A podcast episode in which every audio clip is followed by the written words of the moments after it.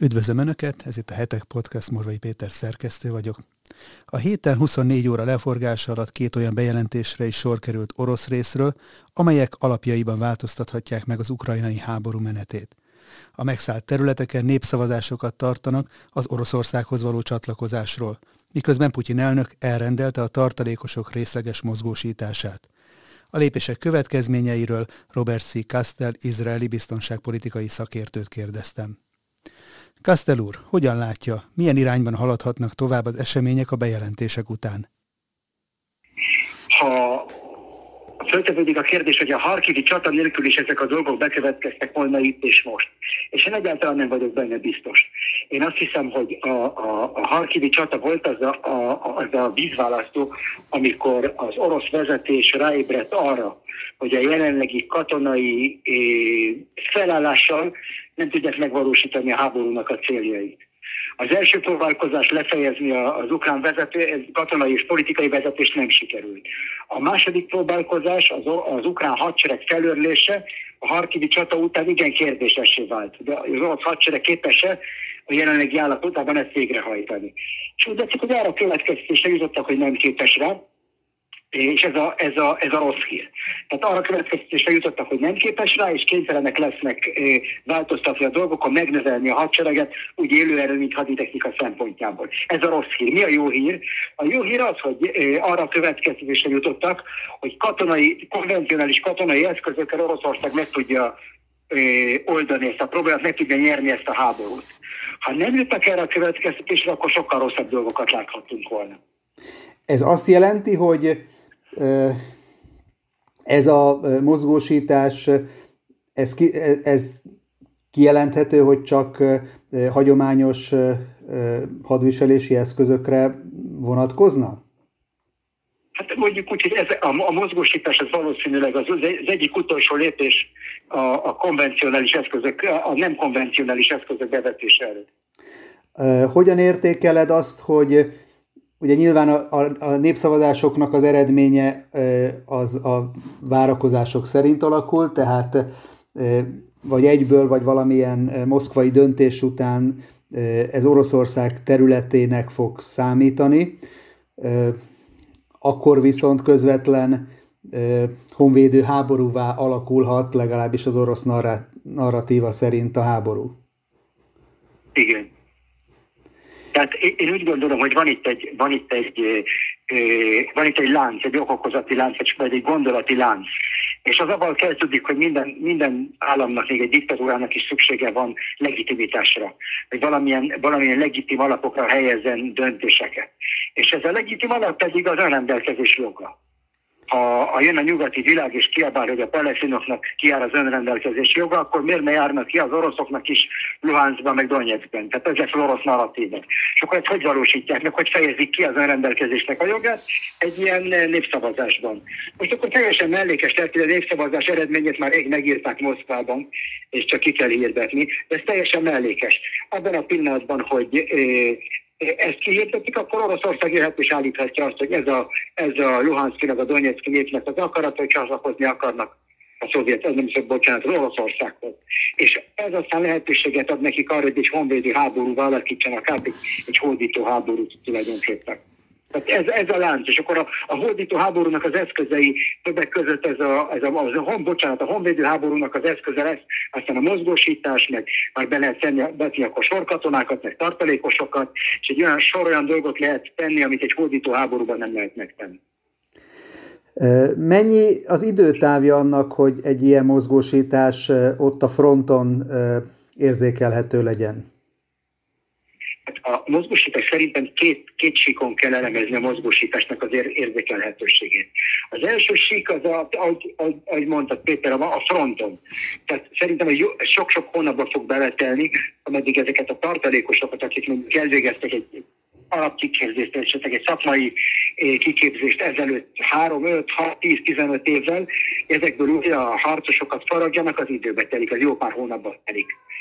két-három hónap frissítő legalább kell ahhoz, hogy ezekből újra harcosok legyenek, és, és ez még csak a kezdete a folyamatnak, még nincs tapasztalatuk, és nincs semmi. Ez egy hosszú folyamat, de eleve egy hosszú háborúban számol Oroszország, Oroszország nem siet sehova.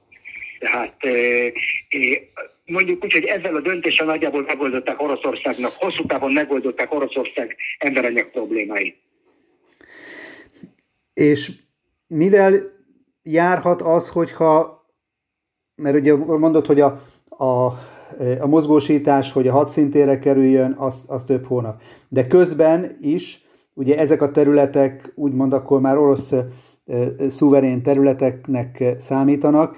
Itt, ahogy eddig is várható, hogy ukrán ellenoffenzíva, rakétacsapások, nyugati fegyverek felhasználása történik. Járhat ez rövid távon, vagy akár középtávon a nyugat közvetlen belesodródásával a háborúba?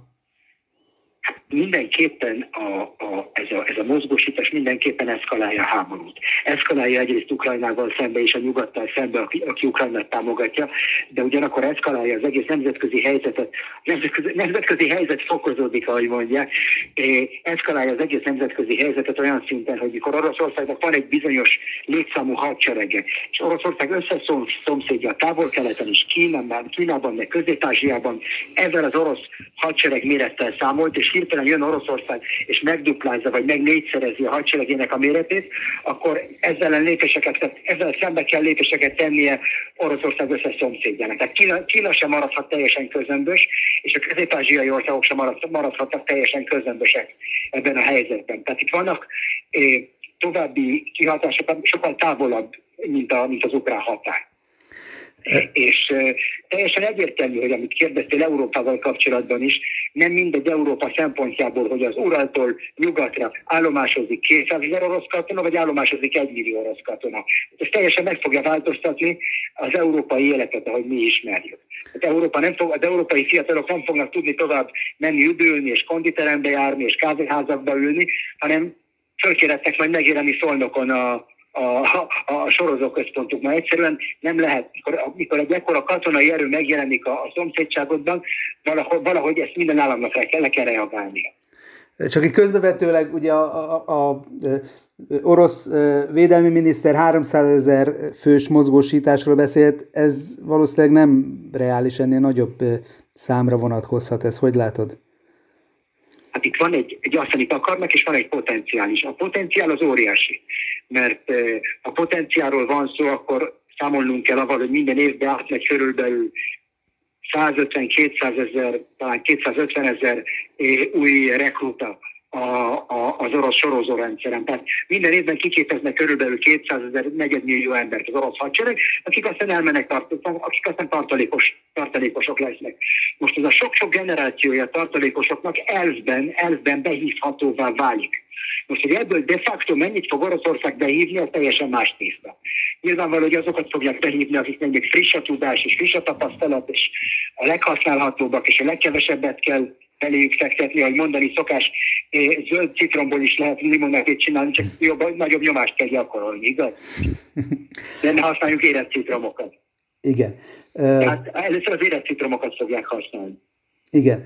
Ugye hétvégén volt, múlt hétvégén a Sánkhái csúcs, a Sánkhái együttműködésnek a csúcs találkozója. Ott kívülről úgy tűnt, úgy tűnt mintha inkább olyan tanácsokat kaphatott Putyin, hogy próbáljon kifele jönni a háborúból. Indiai elnök ezt mondta, nem volt egyértelmű a kínai álláspont, sem ennek ellenére mégis az eszkaláció felé lépett. Ezt, ezt hogyan látod? E, ezzel a, a szövetségeseivel szemben lépte ezt meg, vagy azért van egy csendes támogatása, amire számíthat ebben a körben? Mikor, mikor vagy nyugati csibészek kártyáznak, akkor vannak kártyák az asztalon, és vannak kártyák az asztal alatt. Ezzel tisztában kell lenni az, hogy ezek a, a harmadik világ békeszerető népei, Kína meg India, a békevágyukat kiáltották világá, az, az, az egy dolog. Az, hogy milyen, milyen titkos támogatásban egyeztek meg Oroszországgal az asztal alatt, az teljesen más dolog. Hát én biztos vagyok benne, hogyha Oroszország nem tette volna meg azt a lépést, hogyha kapott volna egy ultimátumot a, a kvázi szövetségeseitől, akik azt mondták volna neki, hogy többet nem vesznek tőle energiát holnap, holnap reggel, hogyha nem zárja le a háborút. Ilyet nem hallottunk. Tehát én azt hiszem, hogy Oroszország nagyon jó garanciákat kapott arra, hogy tovább eszkalálja ezt a háborút, különben nem eszkalálta volna. Uh-huh, uh-huh. világos. Milyen lehetőségei maradtak most ebben a helyzetben szerinted a, mégis a háború lezárásának, vagy legalábbis a jelenleginél nem súlyosabbá fordulásának? Hát én erre a kérdésre a háború elején óta azt válaszolom, hogy így tetszik, hogy egyik fél sem szenvedett még eleget ahhoz, hogy megérjen benne a döntés arra, hogy, hogy, hogy ennyit már nem ér meg neki a dolog, és inkább leül tárgyalni. Tehát úgy látszik, hogy még, még mindkét félnek szenvednie kell egy kicsit ahhoz, hogy ez a döntés megérjen. És amit látni fogunk, azt látni fogunk egy, egy nagyon hideg terület, ahogy uh, Kennedy mondta annak idején Khrushchevnak 1963-ban, hogy egy nagyon-nagyon hideg tél előtt állunk. Ez lesz egy nagyon-nagyon hideg tél mindenféle szempontból, és meglátjuk, hogy a tél után hogy, hogy fogunk gondolkodni ezekről a dolgokról. Úgy a nyugat, úgy Európa főleg, nem annyira nyugat, mint inkább Európa, úgy Ukrajna, úgy Oroszország.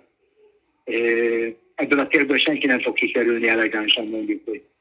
Látsz bármi realitását annak, hogy valamilyen váratlan fordulattal, akár egy, egy Putyin ellenes puccsal, vagy, vagy a nyugatnak valamilyen magába szállásával mégis ez lerövidíthető lenne? Én, én az oroszoktól a háború első pillanatától nem várok túl sokat, ismerve a, ismerve a stratégiai viselkedését Oroszországnak nincsenek különösebb illúziói.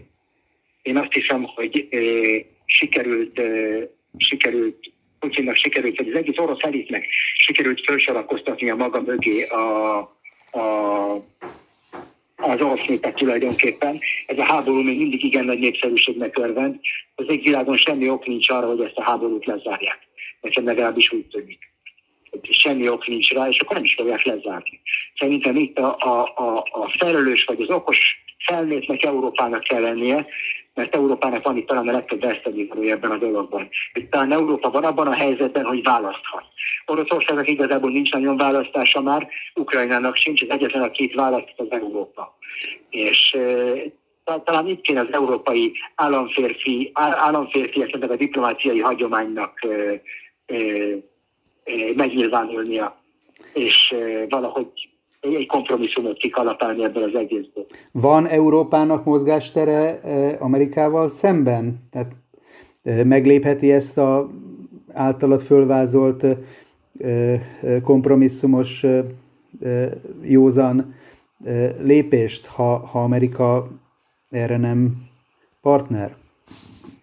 Én nem tudom, Európának végre el kell döntenie, hogy most Európa következő szuperhatalom, és világ egyik legnagyobb gazdasági hatalma, stb. az összes szuperlatívusz, vagy pedig egy amerikai gyarmat. Tehát én mind a két narratívát hallom állandóan, sokszor ugyanazoktól az emberektől, kontextustól függően és ezt talán el kéne dönteni. Itt igazából, mikor Európáról beszélünk, akkor gyakorlatilag nincs Európa. Itt az európai, európai é, é, hatalmakról van szó, akik ezt, akiknek ezt döntést meg kell hozniuk.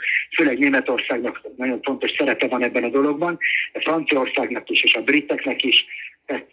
Szerintem meg kell érteniük, hogy túl közel vannak ahhoz Oroszországhoz, hogy ez, a, ez az eszkaláció ne érintse meg katonailag Európát tehát nem csak energetikailag és gazdaságilag, hanem meg menekültek szempontjából, hanem katonailag is. És szerintem ezt minél hamarabb megállítjuk ezt az eszkalációt, annál jobb lesz. Így legyen. Nagyon szépen köszönöm, eh, Robert, hogy rendelkezésünkre álltál. Minden jót, szervusz!